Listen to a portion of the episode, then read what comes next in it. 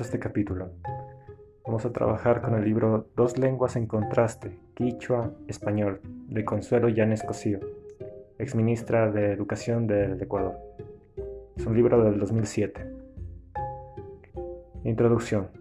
En Ecuador, el español, lengua de colonización, ha convivido durante distintas etapas, periodos de tiempo y presión de grupos de poder con las lenguas indígenas, sobre todo con el quichua, en lengua con la que ha mantenido contacto directo por más de 200 años.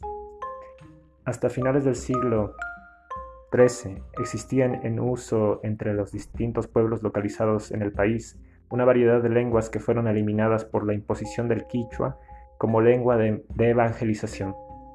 El tipo de quichua que se implantó a cambio de las lenguas locales, palta, panzaleo, puruae, yumbo, cañari y entre otras, fue el que se hablaba comúnmente, es decir, en la calle, como lengua de relación comercial. Esta forma de quichua incluía términos relacionados con la vida doméstica y carecía de conceptos relacionados con toda forma de poder. En el proceso de sustitución de las lenguas locales por el quichua, se introdujeron los términos de poder de la lengua dominante, por lo que el quichua mantuvo un vacío que solo en la actualidad se trata de llenar, creando términos a partir de la propia lengua.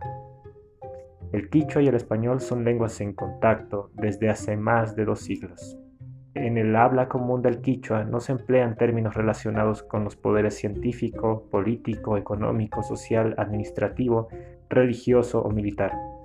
Para expresar este tipo de conceptos se emplea hasta ahora el español, aunque se puede recurrir al léxico ampliado de reciente publicación. Una gramática contrastiva, nos dice el título. La convivencia de dos lenguas en una misma sociedad, la imposición de una lengua sobre otra, los problemas de falta de comunicación y la falta de comprensión de los mensajes que se emiten en las situaciones reales de comunicación hacen que se plantee la necesidad de presentar una gramática contrástica quicho-español con el objeto de ayudar a superar tales, tales problemas. En el caso ecuatoriano es evidente la interferencia del quichua sobre el español, eh, sobre todo en lo que tiene que ver con el léxico, lo que ha dado lugar al uso de términos y expresiones en el habla familiar y popular del quichua que por lo general no afectan la comunicación entre sus hablantes. El español que emplean los quichua hablantes en cualquier situación de comunicación adolece de serias dificultades debido, en gran parte, al desconocimiento que tiene la población sobre la lengua y la cultura de la sociedad de habla hispana.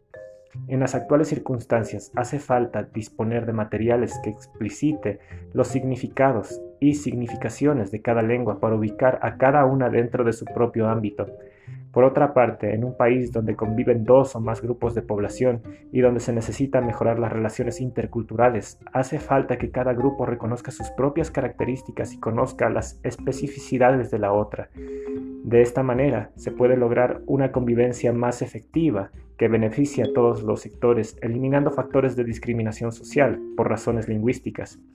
En el presente análisis, em, el presente análisis tomará en cuenta los aspectos de significado, significación y composición interna, tanto a nivel de palabras como de estructuras sintácticas, utilizando por razones de simplificación solo los elementos de metalenguaje que resulten indispensables.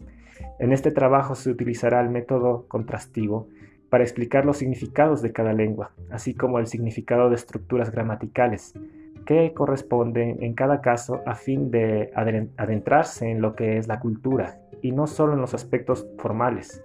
El mayor, el mayor énfasis se pondrá en el estudio morfosemántico y gramatical que interesa para comprender el funcionamiento de cada lengua en su propio contexto. Una gramática contrastiva presenta las características propias de cada lengua en relación con los elementos lingüísticos que la componen. Hay responsabilidad en el deficiente manejo del español que radica en la escuela, que no enseña la lengua, ni la gramática que decía enseñar.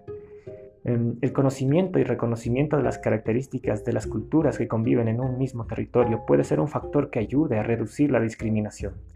El signo lingüístico está integrado por tres elementos, significante, que es la forma, significado, el concepto, y significación, su uso social. Eh, la identificación de categorías para un análisis lingüístico tiene importancia para conocer la lengua. Muchísimas gracias por eh, su atención. Continuaremos en próximos capítulos compartiendo este libro.